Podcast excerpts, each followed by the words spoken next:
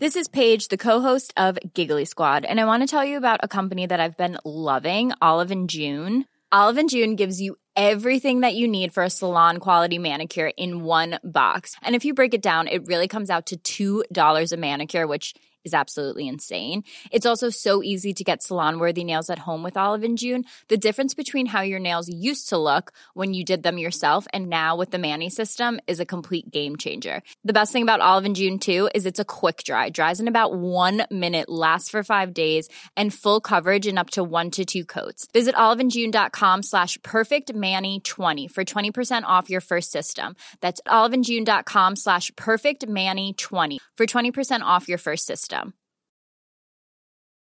Life is full of what ifs. Some awesome, like what if AI could fold your laundry? And some, well, less awesome, like what if you have unexpected medical costs?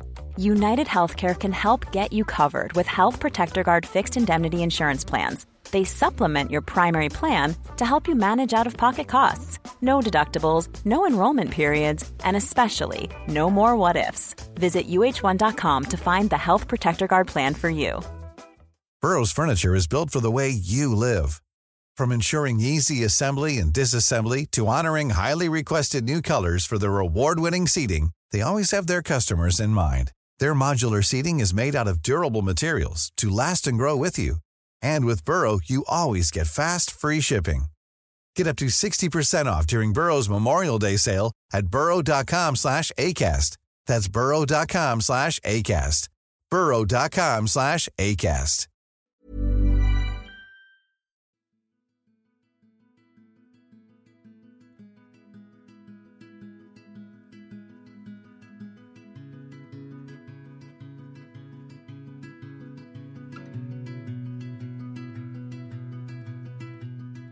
Hej och varmt välkomna till podden Sorgsnack. Det här är en podd som berör allt som har med sorg och svåra förluster att göra. När livet inte blev som vi hade tänkt, när något oväntat händer och hela ens liv vänds upp och ner över en dag och när vi tvingas ta förväl av någon vi älskar. Min förhoppning är att genom podden bidra till att hjälpa andra människor ge stöd, utbilda och sprida kunskap och inte minst inge hopp. Jag som gör podden heter Lia Persson, är journalist i grunden och även certifierad handledare i sorgbearbetning. Idén till podden föddes ett år efter att jag förlorade mitt första barn. Det här var början på mitt nya liv. Livet som nybliven mamma och samtidigt änglamamma.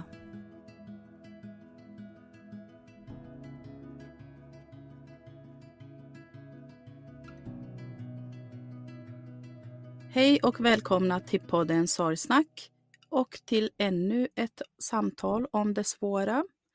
Idag har jag med mig Maria som i många år kämpade tillsammans med sin man för att bli gravida. Och efter flera missfall och tre stycken misslyckanden IVF-behandlingar var hon på väg att ge upp. Och det här ämnet gällande ofrivilligt barnlöshet är något som jag vet att många av er som följer mig på Instagram och som lyssnar på podden också har varit med om. Det är något som drabbar många, tyvärr, men som också många känner ibland att det är svårt att prata om och som ställer sig frågan om det här räknas som sorg.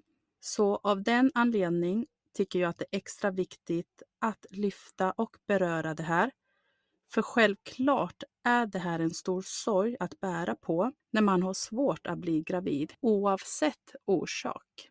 Så det här avsnittet kommer att handla om barnlängtan och ofrivilligt barnlöshet. Så varmt välkommen hit Maria som finns med oss via länk. Tack så mycket. Vad fint att du vill vara med och prata om det här viktiga.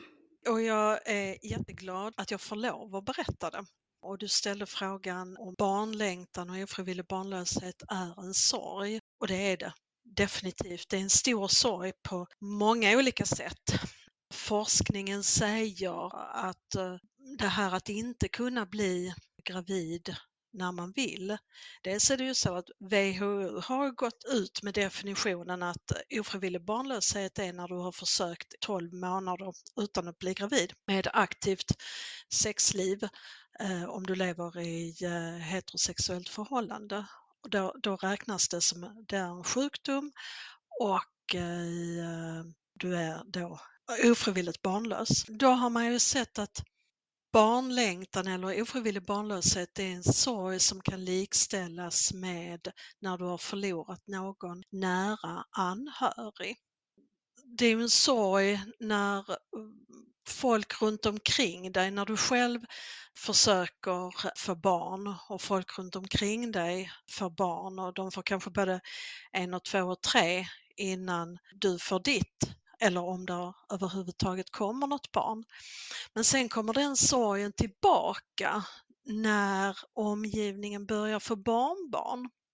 Då säger man att det är samma sorg, så att det här går i cykler. Och jag hade en, eh, träffade en kvinna som sa att sorgen kan likställas med en tsunami Alltså att det kan vara lugnt och så händer någonting som bara utlöser det och så bara sköljer sorgen över en. Så att naturligtvis så kan man säga att ofrivillig barnlöshet och barnlängtan är en sorg, en stor sorg. Och det håller jag absolut med om. Men kan du, om vi backar bandet lite, bara berätta lite kort om vem du är och vad du gör? Mm. Jag heter Maria, och bor nere i Skåne som säkert hörs.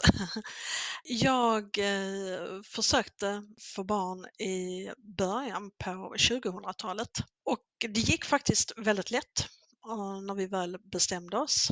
Eh, och det var kanske inte helt självklart att bilda familj men som slutade i missfall. Och när det missfallet kom så blev det så att men nu ville vi verkligen ha ett barn.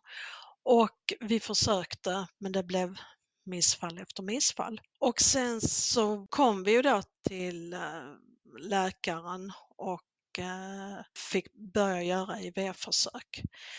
Minns vi hade informationsmöte på IVF-kliniken och jag satt och räknade de som satt där och så tänkte jag, eh, sköterskan sa, ja men 30% kommer till att eh, inte lyckas att bli gravida efter tre försök.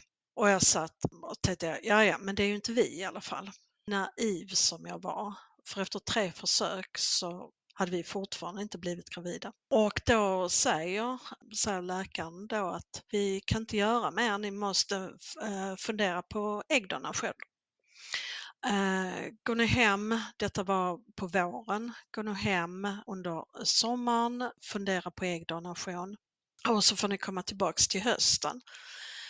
Vi kan hjälpa till att göra allting innan donationen, all behandling innan donationen, men sen behöver vi åka utomlands. När man är inne i karusellen så får man ofta höra att ja men bara ni lugnar ner er, stressa inte för det är stressen som gör att ni inte blir gravida. Och det där är bullshit, ursäkta mitt uttryck. Och jag är en av dem som verkligen är ett levande exempel, eller min dotter är ett levande exempel. För att jag, när jag, vi hade fått det här beskedet från läkaren att nej men eh, nu så kan vi inte göra mer landstingsfinansierade IVF-försöken är slut och nu behöver ni gå vidare med äggdonation så föll jag liksom rakt ner i ett stort svart hål. Det var bara ett mörker. Och de här existentiella frågorna kommer och det tror jag drabbar alla som har barnlängtan eller är drabbade av barnlöshet, eh, ofrivillig barnlöshet. Eh, det här, vem, vem är jag utan barn? Eh, och är jag någon riktig kvinna om jag inte kan bli gravid? Och jag blev jättestressad. Jag googlade allt. Jag ville eh, gripa vartenda halmstrå och helt plötsligt så var jag naturligt gravid. Det hade jag ju förvisso varit innan också och fått missfall. Och, då, och det gjorde ju att den här graviditeten, jag mådde väldigt bra fysiskt men fruktansvärt psykiskt det var en väldigt fysiskt eh, jobbig graviditet för att jag gick hela tiden och väntade på att jag skulle få missfall. Men jag, jag fick inte missfall. Det blev faktiskt en uh, dotter uh, som vi tyvärr inte har kunnat ge några syskon. Och det är ju också en, en sorg i sig skulle jag gissa. Det är det. Och det är också att det finns ju primär eh, barnlöshet och sekundär barnlöshet. Och sekundär barnlöshet eh, är definitionen att du, inte, eh, att du har varit gravid innan men har svårigheter att bli gravid igen. Då, där kan man liksom undra, ja, men om jag har varit gravid innan då och, och fått missfall, är det sekundär? Nej, eh, man brukar benämna det som att du har fött ett barn, så är du sekundär barnlös.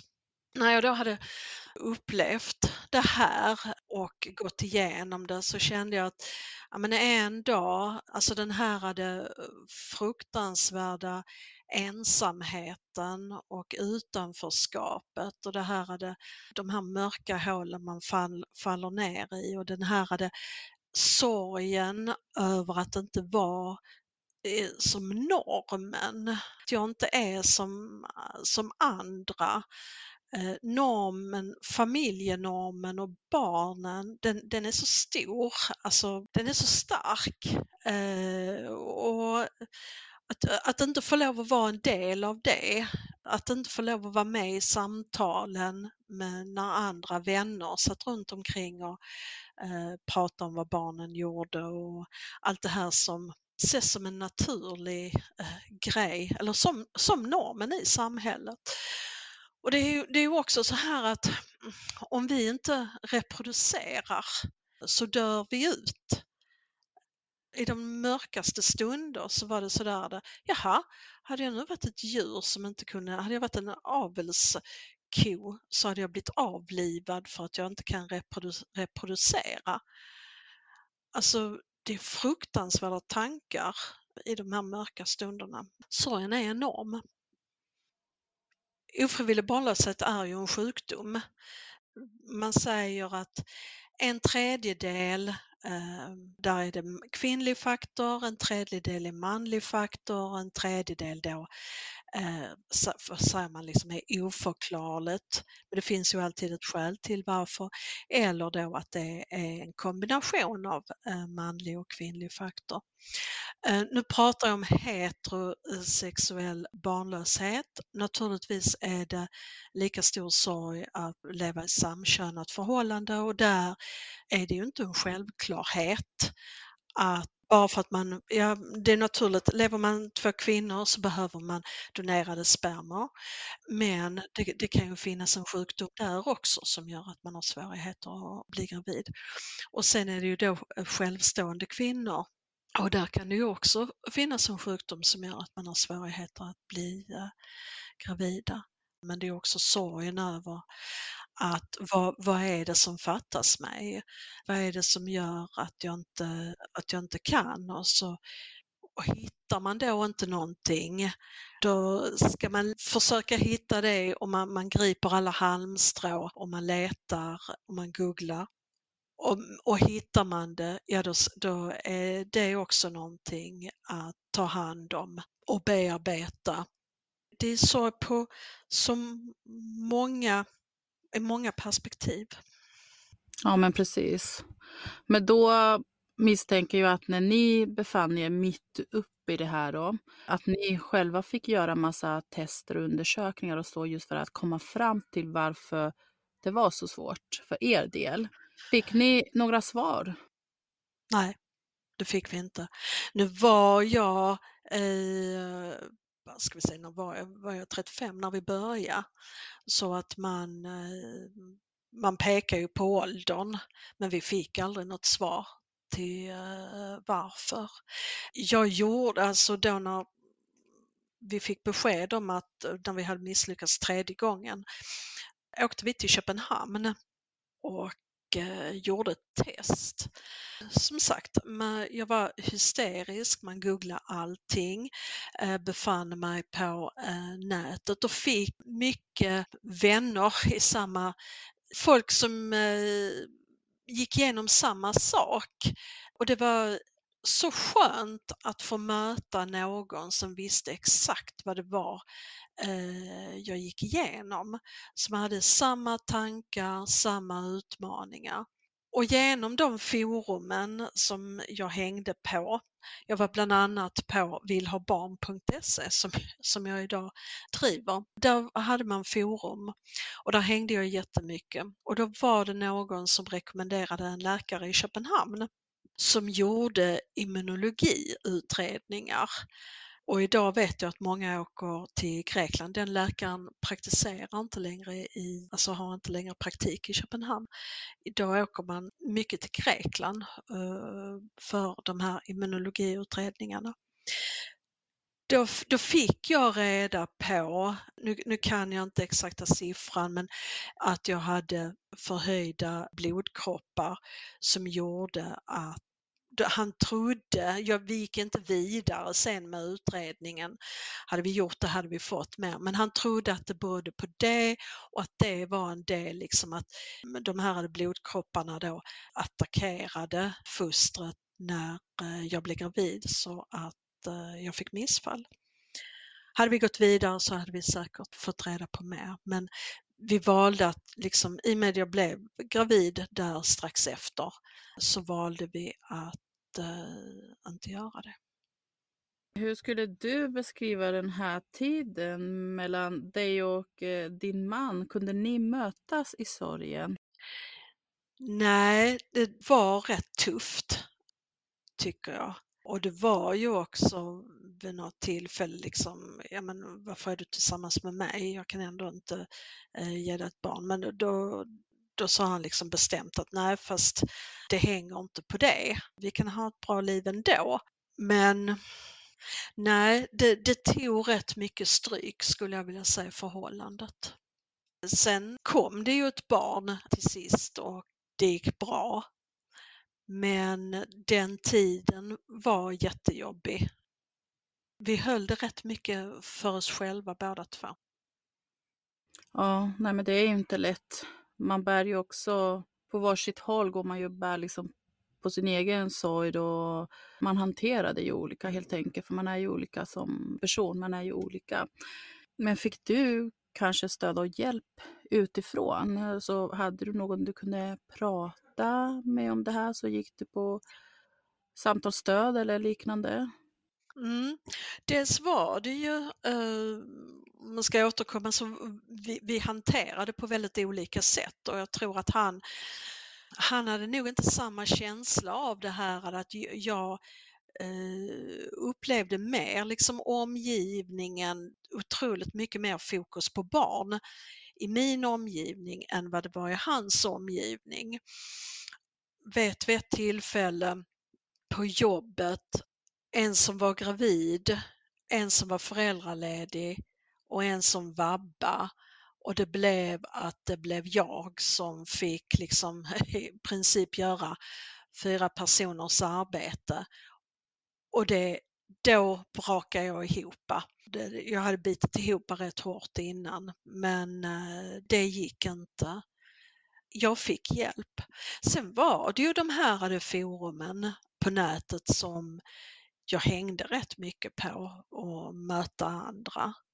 Både för och nackdelar. Nu, nu har jag ju liksom eh, jobbat eller varit involverad, engagerad i de här frågorna sen eh, drygt tio år tillbaka. Eh, och både för och nackdelar det här med att hänga på nätet jag skulle nog, när man blickar tillbaka, att säga att det är bättre att träffa någon fysiskt.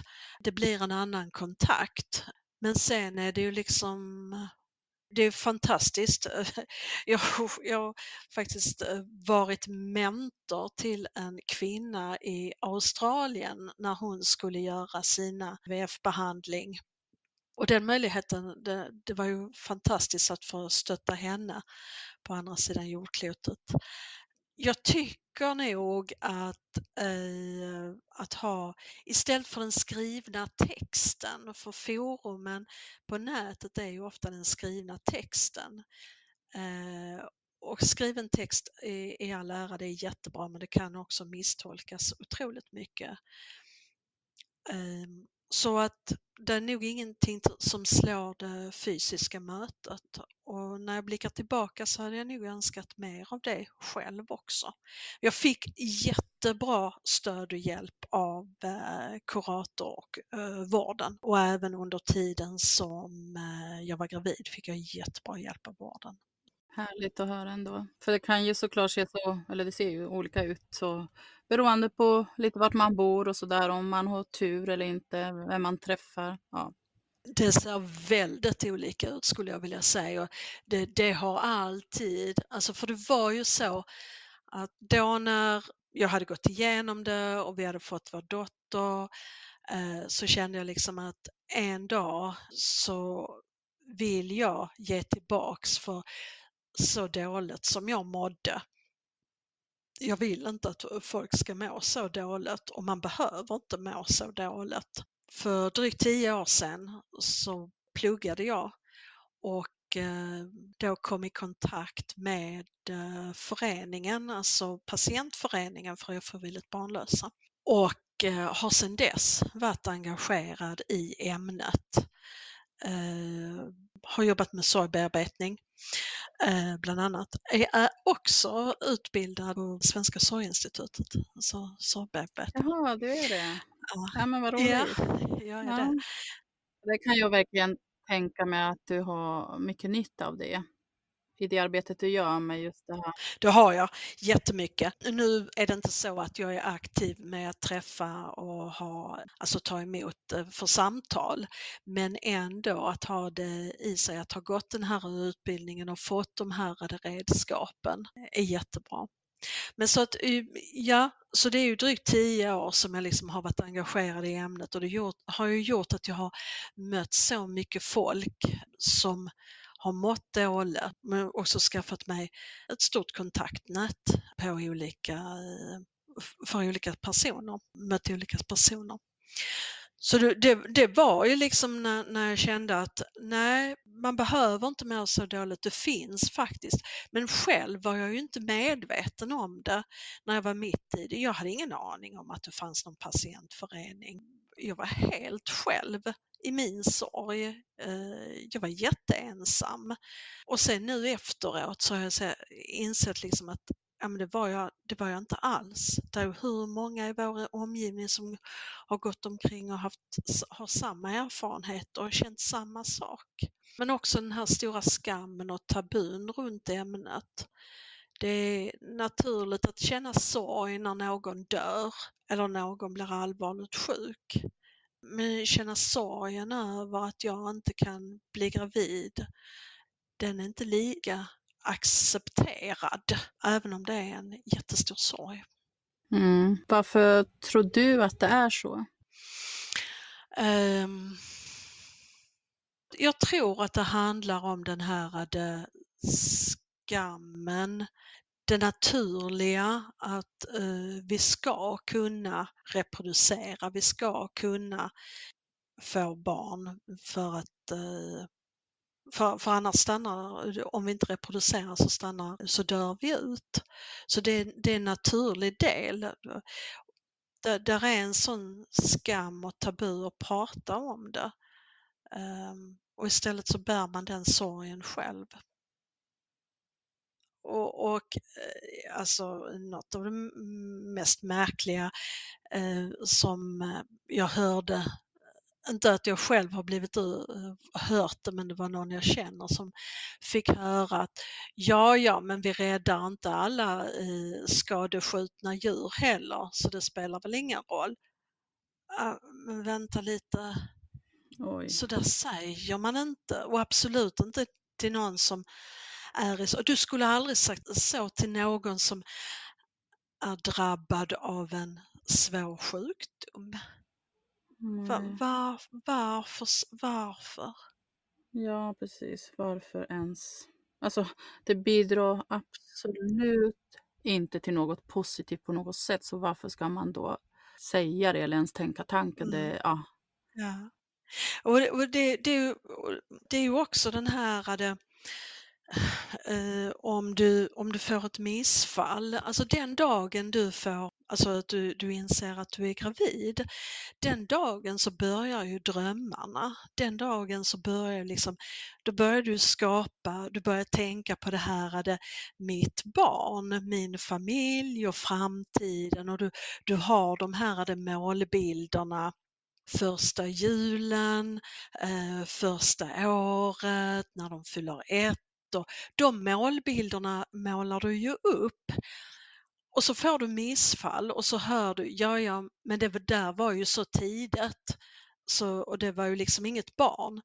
Nej, rent medicinskt, alltså utifrån medicinska termer så har du inte mist ett barn, kanske beroende på vilken vecka du är. Men för mig är det ju ett barn oavsett. Drömmen, det, alltså det här handlar ju om en brusten dröm. Mm. Det handlar ju om en brusten målbild. Det är ju ett barn jag har mist. Det är, målbilden är ju inte att jag ska gå runt med ett uh, foster, alltså uh, ett foster i, i barnvagnen.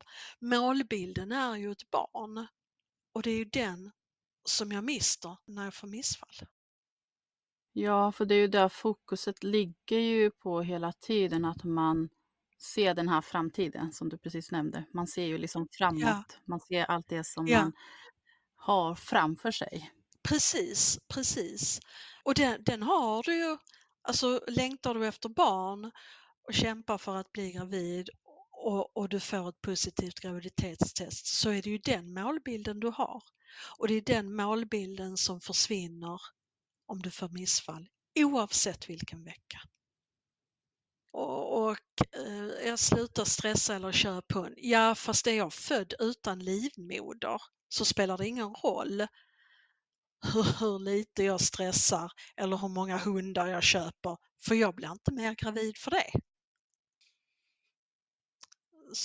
Så att där är sån enorm, det, och det är nog också en av Eh, som bidrar till det hela, det är ju för att det är en sån enorm okunskap om det här i samhället. Life is full of what ifs. Some awesome, like what if AI could fold your laundry? And some, well, less awesome, like what if you have unexpected medical costs? United Healthcare can help get you covered with Health Protector Guard fixed indemnity insurance plans. They supplement your primary plan to help you manage out of pocket costs. No deductibles, no enrollment periods, and especially no more what ifs. Visit uh1.com to find the Health Protector Guard plan for you. Hiring for your small business? If you're not looking for professionals on LinkedIn, you're looking in the wrong place. That's like looking for your car keys in a fish tank. LinkedIn helps you hire professionals you can't find anywhere else, even those who aren't actively searching for a new job but might be open to the perfect role. In a given month, over 70% of LinkedIn users don't even visit other leading job sites. So start looking in the right place. With LinkedIn, you can hire professionals like a professional. Post your free job on linkedin.com slash people today. Ja, ja men precis. Och därav som att det är extra viktigt just att lyfta det här. Och jag måste ändå säga att eh, där jag har sett och sådär så känns det som att eh, flera där ute som vågar prata om det och som vill lyfta det här ämnet. Vilket är ju självklart jättebra för det är ju så vi kan få en förändring genom just att vi sprider kunskap och eh, lär oss att bemöta någon annan i den här situationen på ett bättre sätt och veta liksom, vad finns det att göra, vad kan vi göra, liksom, vad behövs, vad behövs det mer där ute i samhället? Kring Precis. det här ämnet. Mm. mm. Håller du med mig om det, att du kan se en viss skillnad om du tittar tillbaks liksom tio år sedan du började jobba det, med det här? Absolut. Eh, ja, absolut kan jag det och jag, jag tror mycket bidragande är det att vi har många kändisar som har gått ut och berättat om svårigheterna och deras längtan efter barn. Vi har många som har berättat då att eh, de har använt både IVF, donation, eh, surrogat, adoption. Så jag, jag, tror att det, det är en bidragande orsak att det är många offentliga personer som har hjälpt till i detta att visa på att eh, nej, nej, men det, det, här är ganska vanligt. Man räknar eh, med att vad det, tre i varje klass är tre barn i varje klass har kommit till med hjälp av assisterad befruktning och det är en hel del. Men i det här då assisterande befruktning, räknas det, eller är det enbart då IVF eller finns det andra behandlingar som också räknas i det här? Mm. Och, det, det, och där går ju tekniken framåt också. 78 var det väl första IVF-barnet föddes, eh, Louise Brown. Och sen tror jag det var 82 ja, som det första IVF-barnet föddes i, eh, i Sverige. Men sen har ju tekniken gått framåt och, det, och även lagen, alltså att nu då får man både som samkönade par och ensamstående eller självstående, som är ett trevligare ord, eh, kvinnor eh, göra donationsbehandlingar i Sverige och det har inte varit tillåtet så länge, så många år. Eh, donationsbehandlingar för eh, äggdonation kom 2003 tror jag och sen självstående tror jag det var 2016. Och det har väl också hjälpt till att öka informationen och sprida kunskapen Eh, om det i samhället. Och om vi pratar om det här med att det har blivit mer, under de här tio åren har det hänt jättemycket och det har blivit mer öppet att prata om. Så jag har en eh, fin vän, Linda Malm, som eh, fick veta att hon aldrig eh, kom till att bli mamma. Och då började hon söka för då kom de här existentiella frågorna. Vem är jag om jag inte blir mamma? Vem ska ta hand om mig när jag blir gammal? Vem kommer att gå på min begravning om jag inte får barn? Och all, alla de här grejerna. Och hon började söka eh, efter nätverk i Sverige men hittade inte någonting utan fick, bege sig eh, till England eh, och USA och i England och USA har man nätverk och eh, i USA är den här gruppen eh, av personer ganska stor. Double Income No Kids-gruppen. Men hon startade då när hon kände liksom att jag, fast den här gruppen, är, det är ingen som pratar om dem i Sverige. Så att hon startade då eh, nätverket Andra sidan tröskeln för personer som är permanent ofrivilligt barnlösa hade man pratat mer om de här de existentiella frågorna så hade nog inte sorgen och känslan av utanförskap och ensamhet blivit så stor utan att man hade tagit in dem som en del, som en naturlig del i eh, samtalet kring det här med barn. När man gör, är mitt uppe i göra barnkarusellen och mitt uppe i behandlingar då är det ju fokus barn. Då vill man inte tänka på det här alternativet. Eh, alternativet är att eh, ja, men jag ska bli förälder. Alternativet liksom där att, ja men om, tänk nu på, du, du ska prata om det här om att inte ha barn. Nej, fast fokus är barnet nu. Det är inga lätta frågor. Men precis, man vill inte att det ska finnas ett annat alternativ. Det är ju klart att, som man brukar säga, hoppet är ju verkligen det sista som lämnar en. Mm.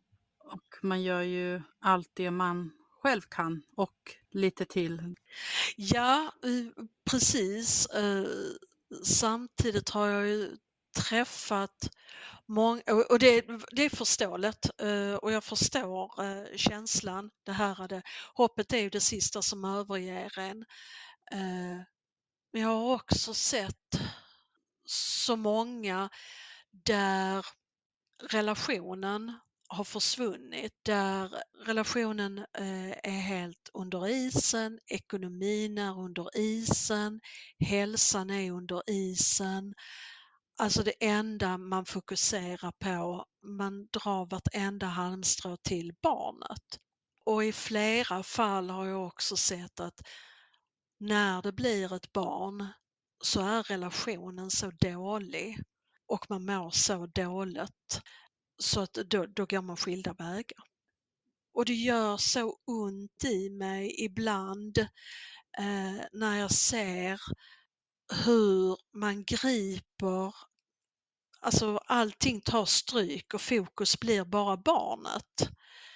Och där tror jag också ibland att är det själva barnet som är fokuset eller det är att jag ska bli hel eller om det är jag som, vem det nu är som ska bära barnet eller om det är en partner eller vem det är som ska bli hel. Men det här när man griper efter varje halmstrå för att söka svar.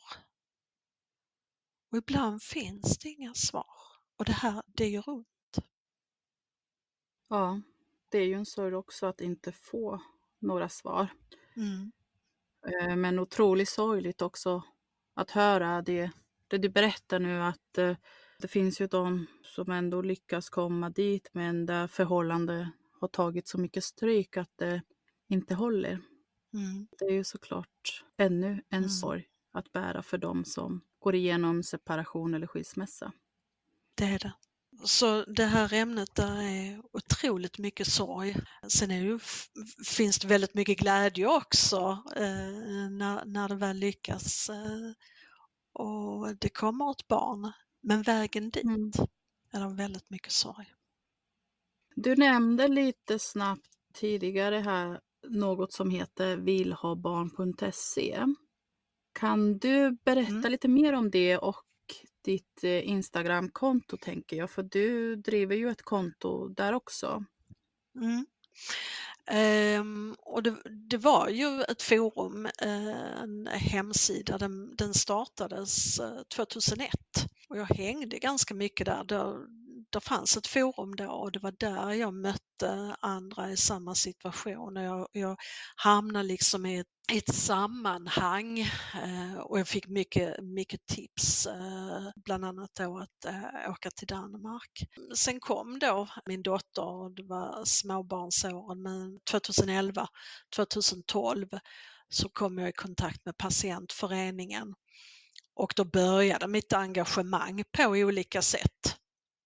Och eh, engagemang i patientföreningen och med egna samtal, sorgesamtal. Eh, sen var det för eh, ja, drygt fyra år sedan så fick jag ett samtal från, för då hade jag träffat Erik som hade eh, Vill ha barn. Villhabarn.se startades av Ingela och Erik för att Ingela saknade en sida. Alltså detta var ju då på 2000, saknade information om barnlöshet när hon själv höll på att göra IVF-behandlingar. Så att hon startade sidan, eh, hon kunde ämnet och Erik var eh, eh, han som skötte det tekniska. Och sen så fick Ingla två pojkar och så hoppade hon av då och så eh, Erik fortsatte jag hade haft kontakt med dem och för då drygt fyra år sedan så hörde Erik av sig och frågade vill, vill du driva sidan nu för att jag, jag kan inte ämnet och vi behöver någon som driver sidan som kan det. Jag kände att ja, men då är ju cirkeln sluten. Då, det var ju här allting började så jag kan liksom inte tacka nej till att eh, ta över sidan. Så jag tog över sidan då för fyra år sedan syftet är ju liksom det här som jag själv saknade och som jag själv kände att jag hade ingen aning om var jag hittade all information. Det finns jättemycket föreningar, det finns väldigt mycket community. Idag finns det väldigt mycket poddar, det finns appar, det är väldigt mycket information. Alltså, Eh, är man intresserad av adoption exempelvis så har Adoptionscentrum varje månad information kring det. Men också då det finns workshoppar, det är information från utländska kliniker och så. Det, det är det som är lite grann att någonstans så finns den här informationen. Ja, men här har ni information. Det finns jättemycket. Det finns ni är inte ensamma. Ni är inte utanför. Här finns jättemycket community, här finns jättemycket gemenskap. Men det är så många jag har mött genom åren som säger jag är så ensam, jag vet inte var jag ska, var jag ska vända mig. Så det är det som är liksom det jag känner att jag att samla, att här finns massor. Vi är här här är jättemånga som är i exakt samma situation som du är i. Så ni finns då på den här hemsidan som heter vilhabarn.se och så Instagram, ja. finns, det, finns ni på fler ställen? Nej. Inte Facebook? Jag tycker det räcker. Nej, ja. nej, nej, inte nej. Facebook. Okay. Nej, nej, inte Facebook. Det gör vi inte. Nätet är ju jättebra men, men det, det är ju också, man man kan hitta väldigt mycket saker. Så mm. att, eh, nej men här, där har jag, jag försöker verkligen samla och det är liksom att jag har skapat mig under de här eh, tio åren och skapat mig kontaktnät på lite olika håll. Uh, för att jag vill att visa mm. på att det, vi finns. Mm. Ja men precis. Ja, jag, jag tycker att du gör ett jättefint jobb um, på Instagram. Just Tack så det, mycket. Det här med att, med att sprida viktig information. Mm. Ja, det finns ju de som har sorgkonferens också. Den tycker jag också är jätteviktig att sprida. Eller hur? Vilken grej! Ja, vilken grej! Nej, men jag, jag tycker det är jätteviktigt att visa på att eh, det här finns. Så det, jag, Ja men verkligen, ja. för det är ju också som du var inne lite på tidigare att det är så många som, som lider i, i tysthet och mm. som, inte, som man ibland inte vet, um, som också har gått igenom det. Ja, så det är nog många där ute som berörs av det här ämnet skulle jag säga. Det är det. Det, det är långt många fler än uh, vad man tror och många, mm, som du säger, lider i det tysta. Men uh, det, det, är en sorg, det, det, är liksom ingen annan som kan ta sig någonting annat. Det är en sjukdom. Även om man hör uh, personer eh, eller förespråkare som säger ja men det är ingen rättighet att få barn. Nej, det eh, kan vi väl hålla med om, men det är en rättighet att bli behandlad för sin sjukdom. Eh, och man har rätt att vilja ha barn. Det är ju... Precis! Den är den din är rättighet, för den, den äger du är, själv. Ja, och den är, eh, den är lika viktig att re bli respekterad för att när man, när man säger nej men jag vill inte ha barn. Mm. Nej men det är ju lika viktigt att, att, att bli respekterad för det. Precis. Eh, för för den, den gruppen blir ju också bemötta på ett ganska otrevligt sätt eh, och ifrågasatta. För normen är att du ska ha barn, gärna två. Mm. Eh, att man ska vilja alltså, ha barn, att det är så här, många ser som ja, självklarhet ska... att alla vill ha barn också. Men, ja. Exakt. Mm. Det finns ju För faktiskt att, de som eh, inte vill. Mm. Och det, det, ska vi också respektera. Mm. Uh, och det, det, jag, jag fick ett det var något inlägg jag hade gjort på Instagram och då fick jag någon surt eh, DM liksom att ja, vi blir ifrågasatta vi som inte vill ha barn. Ja, jag tycker det är lika tragiskt. För att vill du inte ha barn, ja, då ska du bli respekterad för det. Precis, ja, precis, lika mycket som att jag ska bli respekterad om jag vill ha barn. Mm. Uh, lika illa på båda håll. Ja, ja. Det är ju ingen annans ensak att liksom lägga sig i det och komma och tycka och tänka massa kring det. Det inte. Mm. Men vad tycker du personligen är svårast när det kommer till att möta andra i den situationen, de som du själv har befunnit dig i tidigare? Hur, hur ska vi i samhället, övriga, tänka på bästa sätt att bemöta eller hjälpa någon i den situationen? Tänker att det som är en annan sorg, lyssna, finns, finnas där, ifrågasätt inte och kom absolut inte med tips. Och jag tänker det, det är ju, eh, det är ju som i, precis som i annan sorg, så är ju svårt, alltså även om, som vi sa innan, det, det är en naturlig sorg om du har mist någon, i en olycka eller dödsfall eller sjukdom eller olycka. Den är ju inte lätt heller. Det finns ju då, det, den eh, tycker man ju också, tycker ju många eh, personer man blir lite obekväm i det och så. Men jag tycker att bemöt de här personerna, man är i en sorg när man är ofrivilligt barnlös och är mitt uppe i det. Eller kanske precis har fått reda på att eh, antingen måste jag byta spår, som det var någon som jag tyckte var jättefint. Eh, jag ger inte upp, jag byter spår. Vi valde ett liv utan barn. Men det är ju också en sorg du ska gå igenom för då kommer ju alla de här existentiella frågorna och de existentiella frågorna de kommer med jämna mellanrum även när du försöker barn, få barn. För när ska du ge upp eller byta spår? Du vet inte om du är inne på en återvändsgränd. Du vet inte inom, eh, liksom, kommer, kommer jag till lyckas imorgon? Kommer jag till lyckas om en månad? Kommer jag till lyckas om ett år? Det vet man inte för det finns inget facit. Eh, så att rådet är bemöt som man bemöter någon annan i sorg. Finns där, finns där för den här personen. Var där, heter det. Var där för den här personen. Lyssna. Ge inte tips och råd. Vi har hört allting om alla hundar och katter och adoptioner och hur man ska ligga, hur ofta och i vilka ställningar och eh, att inte stressa. Allt det har vi hört, allt det vet vi om. Mm. Lyssna och finns där. Och eh, hur ser livet ut för dig idag? livet är bra. Jag, jag, tycker att jag gör någonting meningsfullt med detta.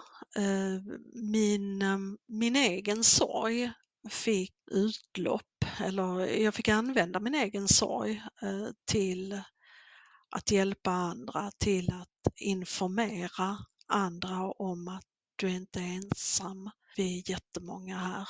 Eh, vi finns här för de som går igenom detta.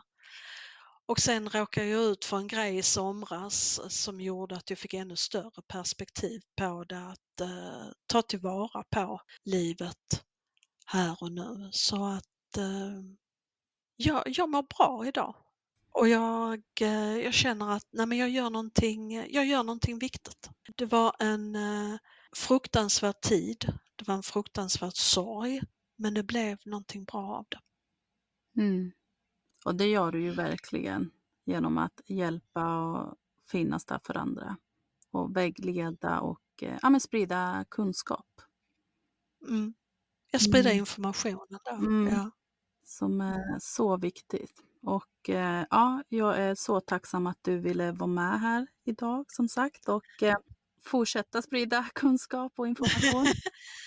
ett tack för att jag fick lov att vara med och, och berätta och informera om att eh, man är inte ensam eh, i detta.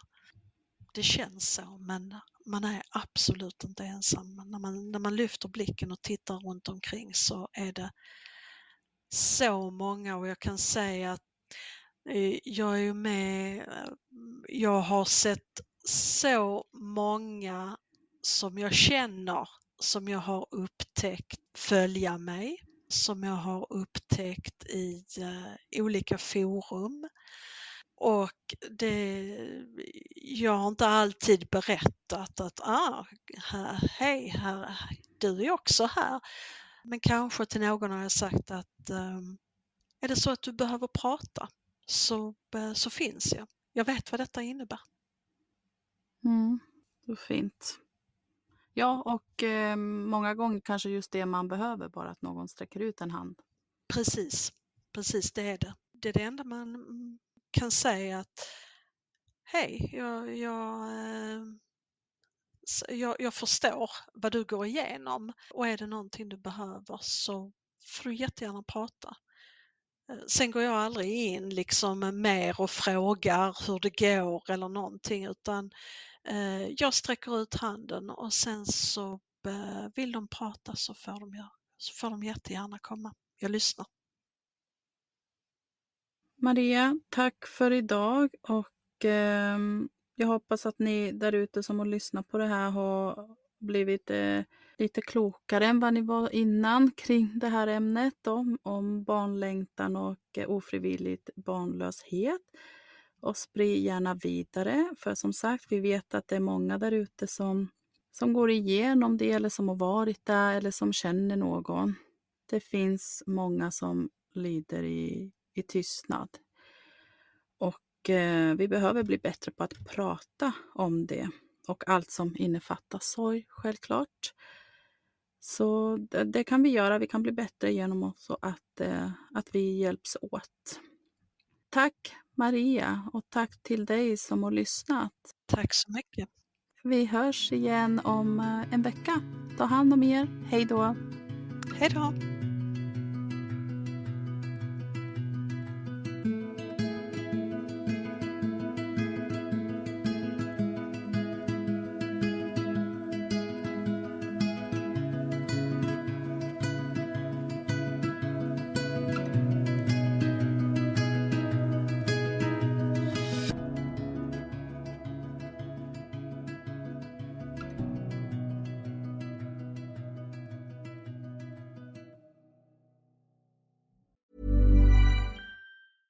Planning for your next trip?